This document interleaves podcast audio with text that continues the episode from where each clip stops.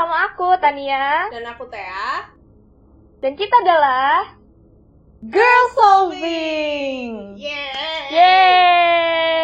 Yeay. Nah, hari ini kita mau bahas satu icon yang fenomenal. Mhm. Apa tuh? Dia tuh icon seks gitu kalau di Hollywood. Si Marilyn Monroe. Uh, siapa sih yang nggak kenal Marilyn Monroe? Ya, tapi emang emang dia tuh anu sih apa? Savage gitu sih emang kalau aku lihat ya. Iya sih. Dari video-videonya kalau misalnya, tapi walaupun videonya video lama tuh kelihatan aja kalau dia tuh kayak fenomenal, pede banget gitu kan kalau jalan menggak eh apa? menggak menggok gitu loh, tau gak sih maksudku? Iya, iya, iya, iya, tahu tahu.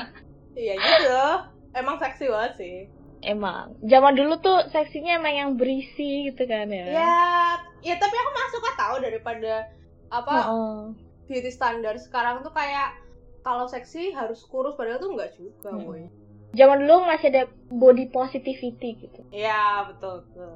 Nah, si Marilyn Monroe ini nama aslinya itu Mhm. Norma Jean Mortensen. Dia lahir di Los Angeles pada 1 Juni 1926. Ibunya mengalami sakit kejiwaan yang berakibat harus tinggal di rumah sakit jiwa. Nah, eh, Marilyn ini akhirnya diasuh oleh orang tua asuh di sebuah panti asuhan. Terus eh, banyak yang bilang juga kalau misalnya eh, bapaknya Marilyn eh bapak angkatnya Marilyn ini maksudku itu tuh kayak kalau nggak abusive sexual harassment gitu loh ke Marilynnya jadi dia masa kecilnya tuh kayak kelam gitu. Pada umur 16 tahun ia menikah dengan seorang pekerja pabrik pesawat terbang namanya James Doherty. Tapi eh, beberapa tahun kemudian mereka tuh bercerai karena eh, si Marilyn ini tuh terikat kontrak dengan agensi acting. Hmm. Nah, terus habis itu eh ia mulai terkenal saat menjadi artis pada tahun 1950 setelah tampil di film The Asphalt Jungle and All About Eve. Keduanya memerankan eh, sebagai seorang selingkuhan. Tuh. Oh, terus terus. Dari sana karirnya menanjak dan Fox memperpanjang kontraknya.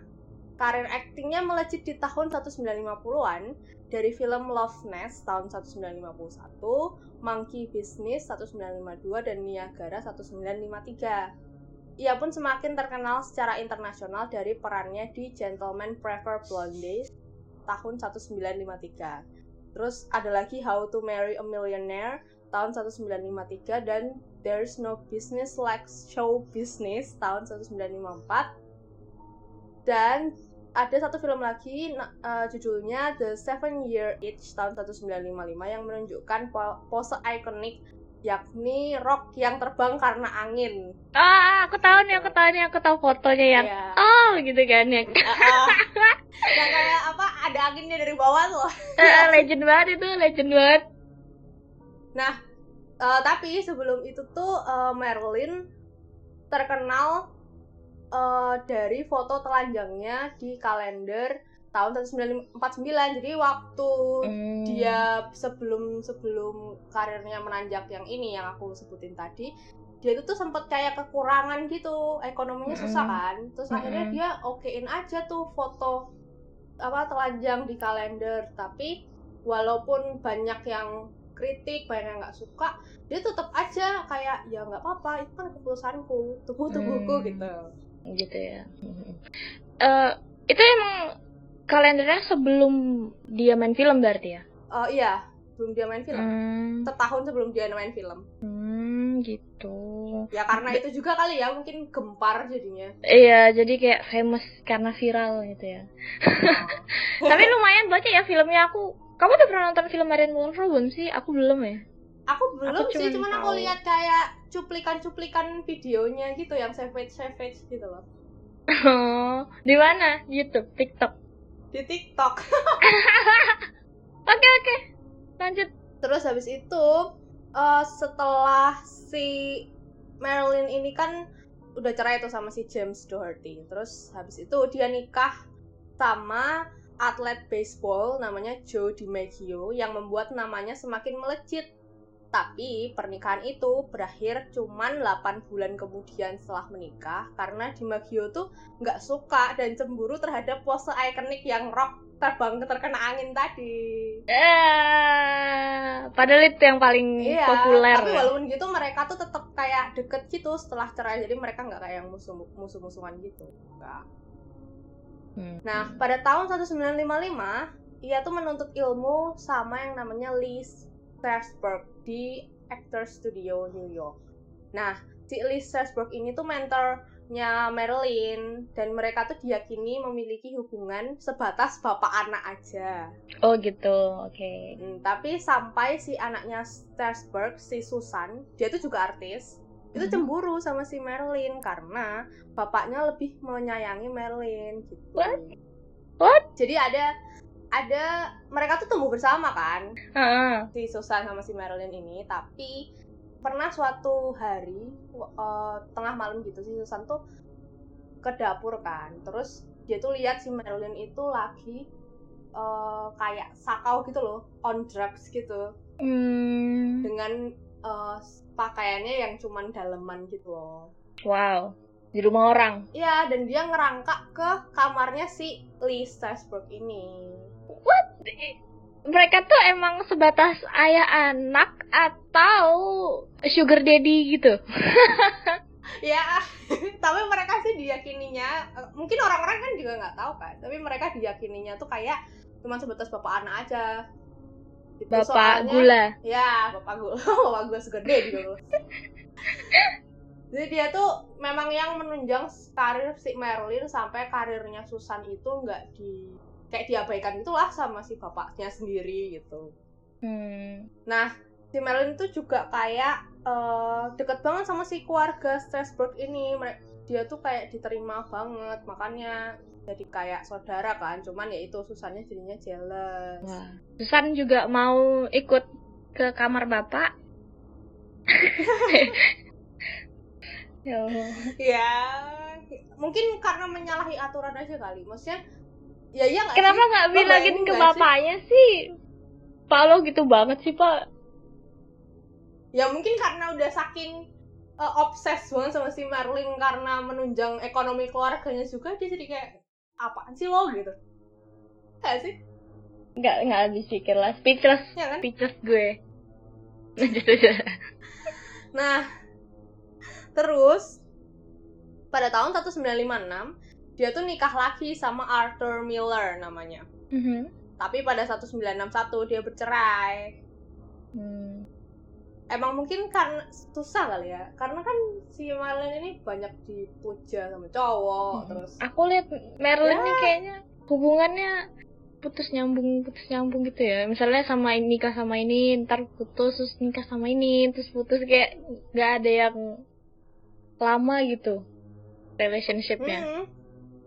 Iya, ya susah mungkin ya karena di Hollywood juga Hmm, banyak ancaman kanan kiri ya kan. eh, banyak orang ganteng kanan kiri ya Iya. Udah ganteng tajir pula. mantap Strasbourg ke mana Strasbourg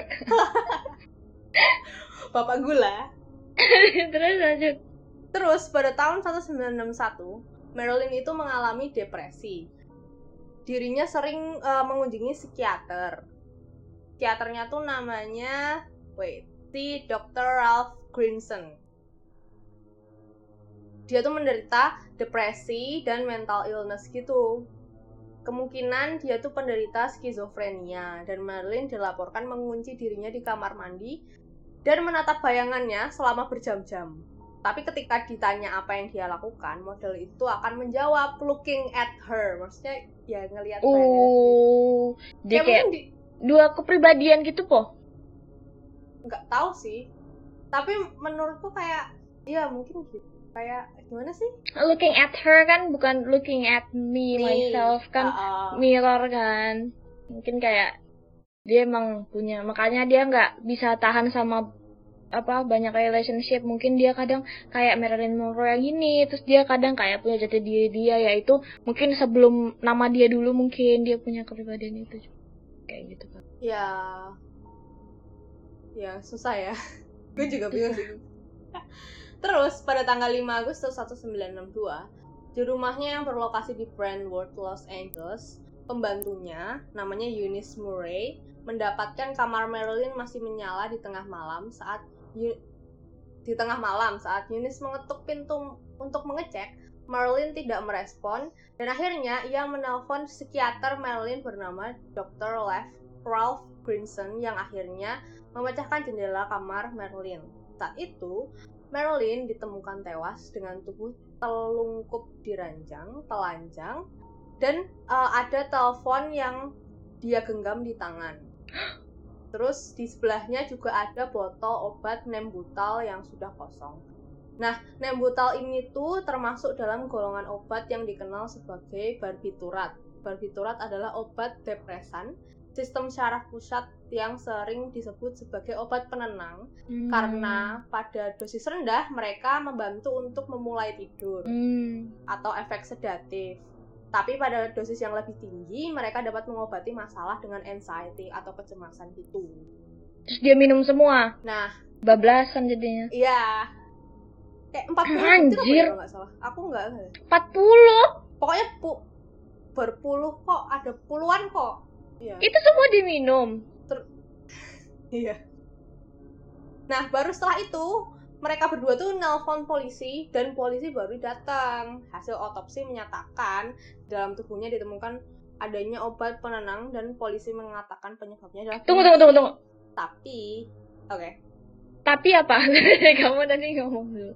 Tapi 55 tahun setelah Marilyn meninggal tuh banyak teori yang berkembang gitu. Oke, okay, um, pas di uh, lihat di tubuhnya itu hmm. pas polisi eksemain tubuhnya itu pilnya udah kan nggak bilang ada 40 berarti pilnya belum itu dong belum ke cerna dong aku nggak tahu tan tapi uh,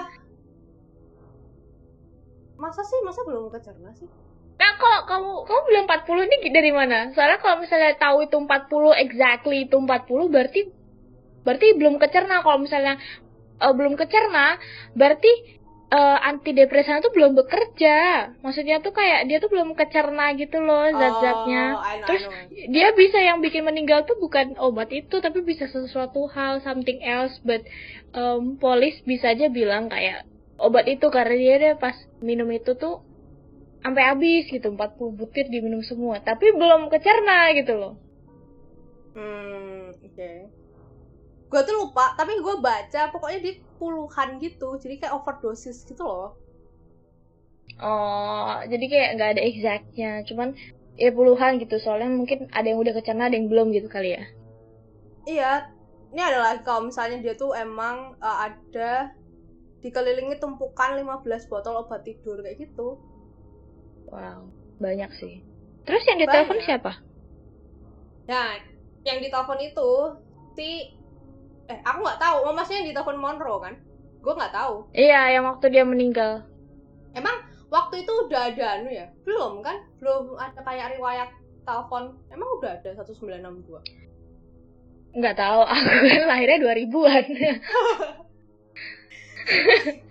tapi tapi lucu gak sih kalau misalnya orang bunuh diri tapi tuh dia lagi megang telepon gitu loh. Kayak mungkin dia lagi ngomongin waktu deathbednya dia kali ya. Waktu dia masih sekarat dia kayak nge atau mungkin dia lagi nelpon saying goodbye to someone. Ya. mungkin gitu kali ya. Aku juga mikirnya kayak itu sih diancam sih. Oh oke. Okay. terus? Aku kira kamu mikir yang kedua yang dia saying goodbye. No.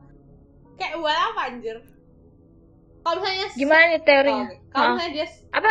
Kalau misalnya huh? dia saying goodbye itu pasti orang udah kayak manggil dulu kan kan? Ya bisa aja dia nggak mau sih. Orangnya nggak mau manggil uh, bantuan. Cuman at least kalau misalnya orang bisa ikut bain sama orang maksudnya bisa ikut bain dalam artian mau meninggalkan dunia gitu ya panik nggak sih? Pasti kayak ah, aku mau cari bantuan gitu nggak sih. Tapi mungkin Marilyn nelponnya dengan cara yang berbeda maksudnya intonasi katanya misalnya dia kayak oh, nelpon ibunya gitu. Misalnya nih ya misalnya apa nih punya gitu terus dia bilang kayak e, gimana apa kabar mah gitu gitu kan. Terus habis itu cerita cerita ya aku juga di sini baik-baik aja gitu. Ya udah ya sampai jumpa gitu. Mungkin nggak kelihatan kayak dia mau bunuh diri kali. Oh ya. Tapi btw kan ibunya di anu. Misalnya. Misalnya. Aku aku nggak tahu contoh lain lagi masa ya? Nah. Bapak Strasbourg. Baby sugar daddy. Terus, Terus, terus. teori pertama tuh eh, yang membunuh tuh si Kennedy John F. Kennedy. Karena wah seru nih. dua setengah bulan sebelum Marilyn meninggal ia mengisi acara ulang tahun John F. Kennedy presiden AS waktu itu di Madison Square. Pada tahun 2007 ada filmmaker dari Australia Philip Mora mendapatkan beberapa dokumen dari FBI yang menyatakan Robert Kennedy menjalin perselingkuhan dengan Marilyn yang menyebabkan kematiannya si Marilyn. Diketahui itu kasus itu rame banget itu zaman dulu. Iya sih ya kayak rahasia umum gitu Marilyn Monroe tuh simpenannya John F Kennedy Ya, iya. Aku tuh lihat foto Marilyn sama Pak Soekarno. Itu udah kayak se gimana ya? Auranya tuh emang Marilyn tuh simpenan banyak orang sih mohon maaf ya Marilyn ya auranya tuh seduktif banget gitu loh. Lo tau gak sih aura seduktif gimana? Ya iya iya. Kayak gitu. Terus diketahui alasan Kennedy membunuhnya karena Marilyn selalu mengancam untuk membuka informasi mengenai perselingkuhan mereka. Dan diketahui juga Marilyn mengetahui pembicaraan rahasia kenegaraan yang ia tulis di Little Red Book. Tertulis juga kalau duo Kennedy ini eh, mengadakan private party bersama Marilyn. Ya lagian mereka ngomongin rahasia kenegaraan sama Marilyn aneh banget. Ya mungkin kayak Marilyn kan dengan seduktifnya eh kamu mau ceritain aku nggak rahasia rahasia negara uh a man with secrets kan Geli banget gue dengerin lo bilang gitu. itu red booknya betul red booknya si Marilyn ketemu gak tuh gila keren banget pasti tuh Ya berarti ket- ketemu lah kalau misalnya udah ada Oh, di iya. teori. Tapi banyak sih Oh, iya. setelah dia meninggal tuh banyak yang jadi nulis si tentang si Marilyn biografinya gitu. Tapi kebanyakan juga cowok ya. Ya iyalah. ya Teori dua beranggapan bahwa mafia yang membunuhnya menurut biografer Darwin Porter, penulis buku Marilyn at Rainbow's End, Sex, Lies, Murder, and the Great Cover-Up, Jimmy, seorang mafia, mengetahui Marilyn yang mempunyai hubungan dengan kaki tangannya, Johnny Rosselli, mendapatkan banyak informasi mengenai Chicago mafia dan dianggap berbahaya. Darwin mengatakan Marilyn mengancam untuk membuka operasi rahasia mafia. Marilyn dianggap e, menyimpan banyak informasi dan jika ia membuka mulut ke banyak orang penting, mereka tuh akan kalah. Banyak yang beranggapan Marilyn dibunuh oleh pembunuh bayaran Jimmy dengan menggunakan kain lap yang dibasahi kloroform. Kemudian menelanjangin Monroe dan memberinya enema barbitura. Itu. wow bedanya kalau kamu di bekap gitu yang pakai apa tadi namanya iya itu Lap Yang- kloroform itu. Iya iya yang kayak film-film orang mau nyulik gitu loh yang diseret terus ditutupin pakai. Nah itu tuh emang nggak ke examine po waktu dia meninggal. Iya, tapi aku tapi kayaknya enggak deh Tan. Kayak cuma bentar gitu enggak sih kalau itu? Nggak pingsan dong. Yo, Nggak enggak tahu deh aku. maksudnya pingsan, tapi kan kalau paru-paru tuh kan inhale exhale gitu loh maksudku. Nggak nggak ngerti. Mungkin selama itu enggak sih? Nggak tahu sih. Aku nggak tahu sih kalau kloroform kayak gimana kok dihirup hilang atau enggak. Hmm. Iya udah lanjut lanjut. Terus teori ketiga, Marilyn mengetahui banyak tentang alien. Teori ini berasal dari ahli teori konspirasi Dr. Stephen Greer. Ia mengatakan Marilyn dibunuh oleh CIA karena mengetahui kebenaran mengena- mengenai kasus Roswell yang kita bahas kemarin dan berencana untuk memberitahu media. Pada dokumenter Unacknowledged dari eh, punyanya Dr. Stephen memproduksi apa yang disebut sebagai memo rahasia CIA yang ditulis hanya dua hari sebelum kematian Monroe. Memo tersebut berisi mengenai kasus Roswell 1947 yang diceritakan Kennedy kepada Marilyn yang berisi barang bukti yang Kennedy lihat sendiri sebagai things from outer space. Di pangkalan udara rahasia, Dr. Stephen mengatakan she was threatening to hold a press conference to tell the world that Jack Kennedy had told her during pillow talk about having seen debris from an extraterrestrial vehicle at what the document calls a secret air base yang intinya menyatakan Marilyn mengancam untuk mengadakan konferensi pers atas pembicaraan yang diinformasikan oleh Kennedy mengenai adanya alien atau ET dari dokumen yang berjudul Secret Air Base. Ih, maksudnya kalau rahasia negara ngapa diomongin sih? aku tuh nah tahu aja pas teori ketiga nih kagetnya tiba-tiba UFO alien apa ini?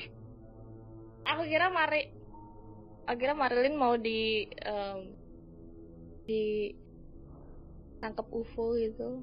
Ya kali. Mau diculik UFO dibalikin meninggal. Kenapa sih Kenapa sih harus diomongin waktu dia tuh di Nina Bobo ini gitu eh kamu tahu nggak ada UFO di Roswell?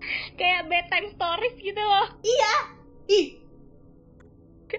Maksudnya Marilyn nih dia tuh baca berita gak sih waktu kasus Roswell aja saksi matanya tuh dihilangin semua maksudnya dilepas jabatan kayak gitu-gitu ini Marilyn mau konferensi pers berani banget dia iya makanya habis itu kan di anu di apa dihilangin ya gak? tapi beneran deh dari pertama sampai ketiga Marilyn berani banget terus dia setiap teori dia tuh alasannya apa ya uh, alasan dia meninggal itu karena dia pengen kof apa ya membuka ya rahasia-rahasia ya. dia dia bener savage sih kalau misalnya kayak gitu. Iya, dia selalu pengen open up the truth gitu loh. Iya. Capek Tapi kali tuh kadang... dia. Capek kali dia ngelihat orang tuh bahagia-bahagia. Eh kamu tuh nggak tahu kan kalau ada jiwa-jiwa jurnalis dalam diri Marilyn Monroe. Iya, ya karena itu deket sama si Kennedy kan. Tapi masalahnya tuh kenapa sih harus diomongin itu kan rahasia negara satu John F. Kennedy-nya kenapa kayak gitu ya? Kedua Marilyn Monroe-nya tuh dia tuh sendiri gitu loh. Dia tuh solo. Maksudnya kalau misalnya dia ngelawan soal sama gangster kalau dia ngelawan sama uh, presiden US itu tuh mereka tuh banyak gitu loh pengikutnya kayak iya. orang-orang dangerous gitu loh. Bukan cuman kayak ras tetangga lo sebar gitu. Iya weh. Aduh berani ya? Tapi mungkin karena hubungan hubungan mereka tuh yang intim gitu jadi itu kayak orang tuh ada bondingnya gitu loh. Tuh, jadi mereka gitu kayak juga. spill semua gitu. Dia pinter ya cara nge-spill gitu ya. Nah, dia makanya... pinter mainin otak orang gitu kan kayak kamu coba dong spill. Ya. makanya kan makanya gue waktu lihat fotonya itu tuh kayak ini orang sedaktif banget anjir gitu Terus habis itu hmm. nih ada teori keempat. Teorinya tuh si Marilyn masih hidup. Ada orang yang mengklaim bahwa Marilyn tuh hidup dan kematiannya tuh cuma dibuat-buat dengan bantuan psikiaternya. Terus Marilyn dipindahkan karena uh, adanya mental issues dan dipindahkannya itu ke mental institution di New Brunswick, Kanada. Karena yaitu dia uh, merasakan kayak uh, breakdown dia itu mengancam hidupnya gitu loh. Terus John Alexander Baker, penulis buku Marilyn Monroe Alive in 1984, percaya bahwa Marilyn tinggal di sana selama 20 tahun tanpa dikenali sebelum akhirnya keluar dari sana. John mengatakan dia pernah uh, mengambil penumpang di Nova Scotia pada tahun 1984 yang mengaku sebagai Marilyn. John mengatakan bahwa ada kemiripan antara penumpangnya dengan Marilyn. Penumpang itu juga mengatakan kehidupan dirinya dulu sebagai mantan artis. Wow. Tapi kalau itu sih menurutku banyak gak sih orang yang obses gitu? Oh, kayak pengen jadi dirinya ya? Iya, maksudnya pengen jadi Marilyn kan? Uh, tapi nggak banyak waktu loh kalau misalnya kamu jadi Uber atau Grab gitu kan. Atau jadi supir taksi pada zaman itu terus tiba-tiba ada penumpang yang bilang hey aku Marilyn Monroe. Kamu mau tahu sejarah hidupku? Nggak nggak banyak kor. Ya iya. Kan? mana nih kalau menurutku teori empat ini agak tidak masuk akal. Saya nggak ada fakta iya. yang oke okay gitu loh maksudnya kalau misalnya kayak gitu um, bisa aja semua orang kayak maksudnya kan Marilyn Monroe ini kan terkenal banget ya semua orang tahu sejarah hidup dia. I mean di Wikipedia aja ditulis gitu loh. Jadi orang bisa gampang banget ngomongin soal aku dulu gini-gini. I mean kita nggak tahu yang bener atau yang enggak iya. kan? Gitu kan? Terus ada nih hmm. aku nemu satu lagi teori lima. Jadi sebenarnya si Yunis sama sama Dr. Ralph Grinson itu tuh yang membunuh hmm. si Merlin plot twist. Karena karena teori ini muncul disebabkan karena si Yunis tuh nelfon si psikiaternya dulu ketimbang dia nelfon polisi. Oh iya. Aku nggak nangkep tadi depan. Iya ya, kenapa ya kayak nah, gitu nah terus kan gue uh, apa searching nih Butal tuh uh, apa sih efek sampingnya? Nah terus ada nih misalnya ada problems with memory atau konsentrasi. Terus ada kayak agresif nightmares terus habis itu hangover anxiety. Ah aku tuh mah bingung kan si si Monroe tuh emang sih ini tuh uh, apa obatnya itu bikin anxiety turun waktu di dosis yang tinggi. Tapi saat efeknya tuh dia juga bikin anxiety. Hmm. terus adanya low hmm. blood pressure. Kayak gitu. Terus nah kalau misalnya nih habis dia suffer dari uh, sinembutal ini si obat ini itu tuh kayak dia bisa jadi ada halusinasi. Terus kayak slow heart rate weak weak pulse gitu terus kayak feeling like you might hmm. pass out gitu loh jadi ya bisa aja sih teori lima ini karena kan dia yang ngasih obat kan tapi uh, maksud dari maksud dan tujuan dari mereka ngebunuh Marilyn ini apa? Oh, mungkin kayak kan banyak tuh cewek jadi si Marilyn ini tuh dijelasin sama cewek-cewek mungkin si pembantu eh, pem, eh pembantu kan itu? Ya pembantu. Ya yeah. itu tuh kayak membalaskan dendam si cewek-cewek gitu loh. Emang dia tuh kayak public enemy gitu loh di antara cewek-cewek karena kan uh, setiap misalnya nih waktu pesta terus ada dia si cewek-cewek tuh bakal ngumpul terus kayak ngomongin dia gitu.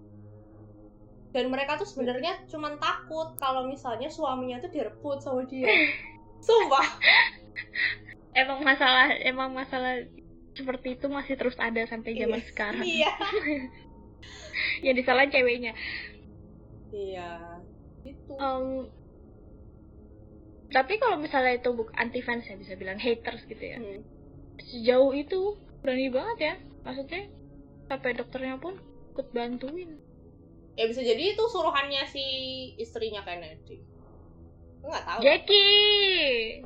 Bisa kan dia cantik banget tau iya heran loh gue. Tapi kayaknya aku nggak tahu sih nggak tahu sih. Cuma kelihatannya Jackie kayak dia tahu perselingkuhannya tapi diem diem. Tapi aku nggak tahu aja dia punya range kayak gitu. Tapi uh, apa namanya emang yang tenang tuh justru yang pembawaannya tenang tuh yang sebenarnya lebih bahaya sih kan wah anjir.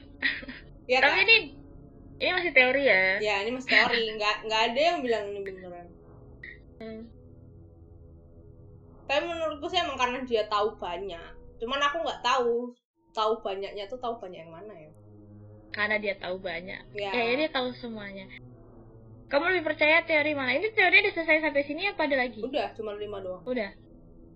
Aku menurutku sih itu yang si Kennedy iya.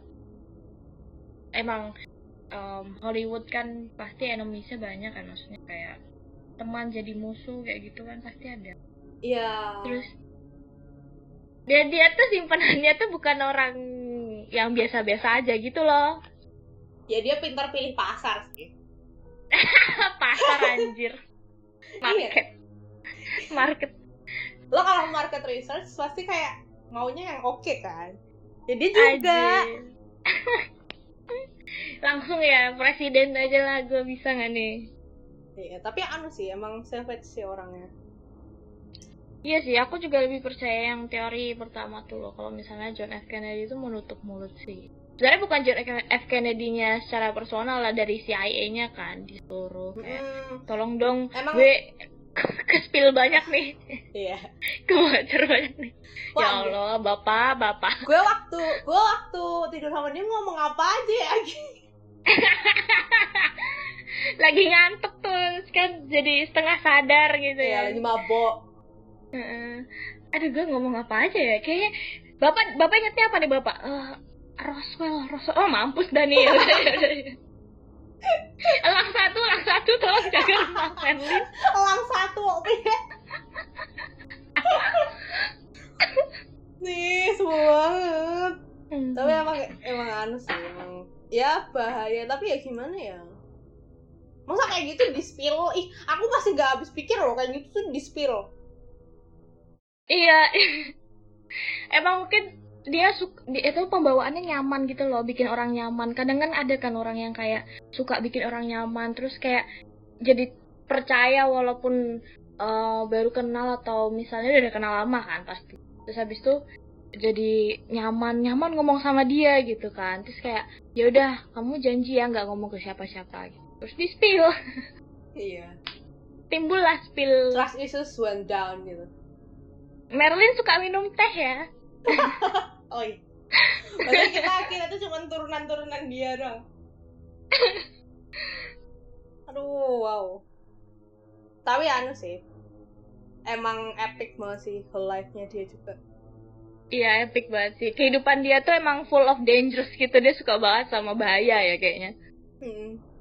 Tapi emang anu sih dia uh, mungkin kenapa sih dia jadi selingkuhan gitu-gitu. Terus selain dia sex icon masa kecilnya dia juga nggak mengenakkan gitu loh. Jadi mungkin dia ada kayak daddy issues apa kayak pengen selalu di apa lindungin perasaan perasaan kayak gitu bikin dia jadi kayak gitu. Maksudnya masa mudanya dia juga nggak apa ya bukan masa muda yang bahagia gitu kan. Ibunya di rumah sakit jiwa bapaknya um, sexual assault gitu kan. Hmm. gitu ya benar sih tapi yeah. at least dia berkarya lah banyak juga sih filmnya. Hmm. kayak jadi icon siapa sih yang nggak tahu dia? Ikonik banget sih dia emang. Yeah. dengan kehidupannya yang penuh dengan wow. Tapi um, oke okay lah savage-nya. Um, ya ada yang bisa ditiru dari Marilyn ada yang enggak gitu. Ya ya dipilah-pilah lah. Iya masa mau jadi selingkuhan jadi tukang spill iya. Ah tukang spill tuh bahaya guys. Kalian jadi jangan spill spill sembarangan. Iya apalagi rahasia negara ya. Jangan di spill guys. Iya. nanti hilang. Makin lo spill makin banyak orang pengen tahu mampus lo. Ternyata lo habis itu nggak punya data lagi. Pokoknya kalau tiba-tiba ada tukang bakso banyak lewat aja dia pindah rumah aja kenapa kenapa barometernya tuh tukang bakso sih Gak ada, nggak tukang bakso, tukang soto, pokoknya punya gerobak aja. Kalau misalnya tiba-tiba lewat rumah, biasanya rumahnya sepi nih ya. Misalnya di perumahan gitu, terus nggak pernah ada yang lewat sepi nih. Terus tiba-tiba banyak yang lewat di somai, cilok lah, bakso lah itu mending diem aja udah. Itu peringatan. Padahal kalau kalau ya, di Indonesia kan baru matanya tukang sayur. Soalnya banyak ibu-ibunya. Lu oh, iya, di situ eh tapi dekat rumahku kan banyak kos-kosan cowok nih ya. Wah itu. Enggak tengah tengah tengah terus habis itu uh, dua rumah dua rumah setelah rumahku tuh kos-kosan cowok ini gitu. Hmm. dia tuh kayak uh, belakangannya dua minggu inilah kayak banyak tukang bakso lewat atau tuh eh, pedagang lewat gitu. Biasanya nggak banyak yang yang lewat teh jujur. Aku tinggal di rumah 20 tahun nggak banyak yang lewat gitu kan. Tiba-tiba rame gitu. Terus habis itu eh, beberapa minggu kemudian eh, ada polisi banyak di kos-kosan itu. Terus ternyata mereka nemuin ada orang yang eh, jual beli narkoba gitu Ah, jadi kayak universe, universe tuh udah kasih tahu lo sebenarnya. Lo tahu nggak di sebelah lo ada bahaya gitu. gitu tuh nggak nggak ngerti ya kalau itu ternyata agen-agen rahasia ternyata pedagang bakso gitu nggak tahu Oh, ya eh pinter juga lo. Iya, bener-bener deh. Wah, Intel Intel Indonesia Iya. ini ternyata menjelma sebagai tukang bakso. gitu. Ah nggak tahu sih cuman sekarang udah sepi lagi nggak ada rame lagi Oh, berarti udah nggak ada tuh bahayanya. tapi enak loh somainya gue beli. Eh, gue lebih lapar deh. nggak lihat ada HT sih tapi ya mungkin dia pakai head, head headset ya pakai air airpods airpods. Tapi ada yang nggak ada kap Intel tukang bakso pokoknya yang dia jualan di gerobak juga terus pakai pakai HP gitu di belakangnya. Terus dia dia tuh ngaku kalau iya saya tuh Intel kan dia nggak mungkin. Lo kok? Habis itu di spill di Twitter. Kok ngaku sih? Ya mungkin Intel kan nggak boleh ngaku. Iya mungkin sebenarnya bukan yang dibohongin aja. Mm-mm. tapi orangnya tuh kayak bapak ini Intel gitu. Gitu itu HT mainan kali kalau ditekan satu ada bunyi lagunya nah nah nah gitu. itu kan mainan zaman kecil anjir Iya mungkin depannya Marilyn ada banyak tukang somai lewat kali ya. lu pikir Indonesia Terus kalau internet luar negeri gimana ya? Disadap aja gitu ya, kayak di Korea Utara.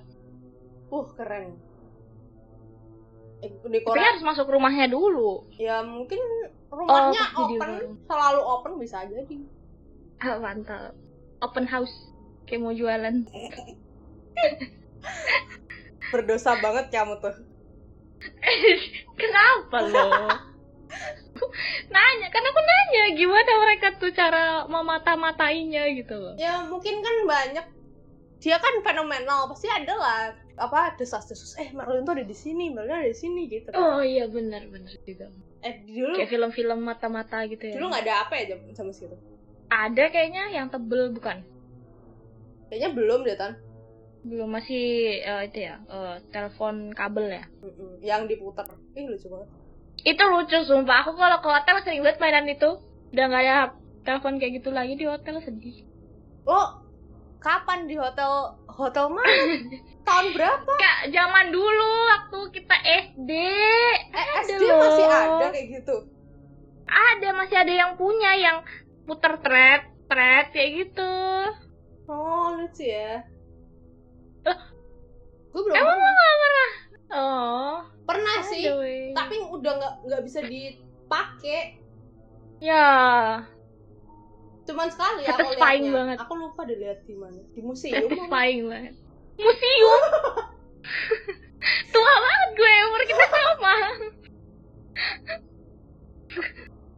aku masalahnya nggak pernah kepo gitu loh sama yang kayak gitu-gitu mungkin kalau dulu om aku yang Thomas punya ya aku mainin tapi enggak gue tuh Hmm. gue tuh adanya lo tau nggak TV zaman dulu yang kayak lemari Ah, iya iya iya iya iya iya. itu itu zamanku kecil masih ada tuh sekarang udah nggak ada nggak tau ke mana itu itu kalau misalnya masih hidup mahal banget itu. Iya antik kan kenapa nggak dirawat Hmm. ya waktu itu Iya. Kalau buat emang kalau misalnya punya mesin waktu time travel, gue cari-cari barang antik terus gue jual di masa ini. iya kan lo bawanya gimana pakai koper Ya kan, ya ya ntar lah pikirin nanti lah. Pokoknya ke sana dulu aja. oke kita kok malah jadi ngomongin barang antik sih. Oh iya kita kan suka belok-belok kan jadinya kalau ngomong kan. Ya gara-gara zaman dulu kali ya. Nah menurut gara-gara teman-teman tukang bakso. Kayak menurut teman-teman yang dengerin podcast si Marilyn Monroe ini menurut kalian tuh case yang mana sih? Eh iya teori yang mana sih Iya. yang menurut kalian tuh paling cocok atau kalian punya teori sendiri sebenarnya itu siapa sih atau dari panti asuhannya atau dari siapa ibunya sendiri Wow. ya itu plot twist sih cuman menurutku nggak Iya. mungkin juga Buat film. tuh mantep Hmm. Ternyata ibuku pembunuhku. itu sinetron banget Iya, iya. Ya gimana guys? Mungkin kalian mau gabung-gabungin teorinya? Seperti biasa, penggabungan teori itu kadang make sense, kadang enggak. kalau misalnya kalian mau ngobrol-ngobrol lebih lanjut tentang si Marilyn Monroe bisa kontak-kontak kita di email teatania11 at gmail.com t h e a t h a n i a 11 at gmail.com nanti gue bales kalau nggak Tania yang bales Ya. Aku nggak dapat passwordnya guys, jadi mungkin ke udah dapet Oke. ya gue udah kirim Oh udah ya. Oke oke oke. Maaf maaf maaf maaf maaf. Oke. Ampun ampun. Siap laksanakan jenderal. Ya oke.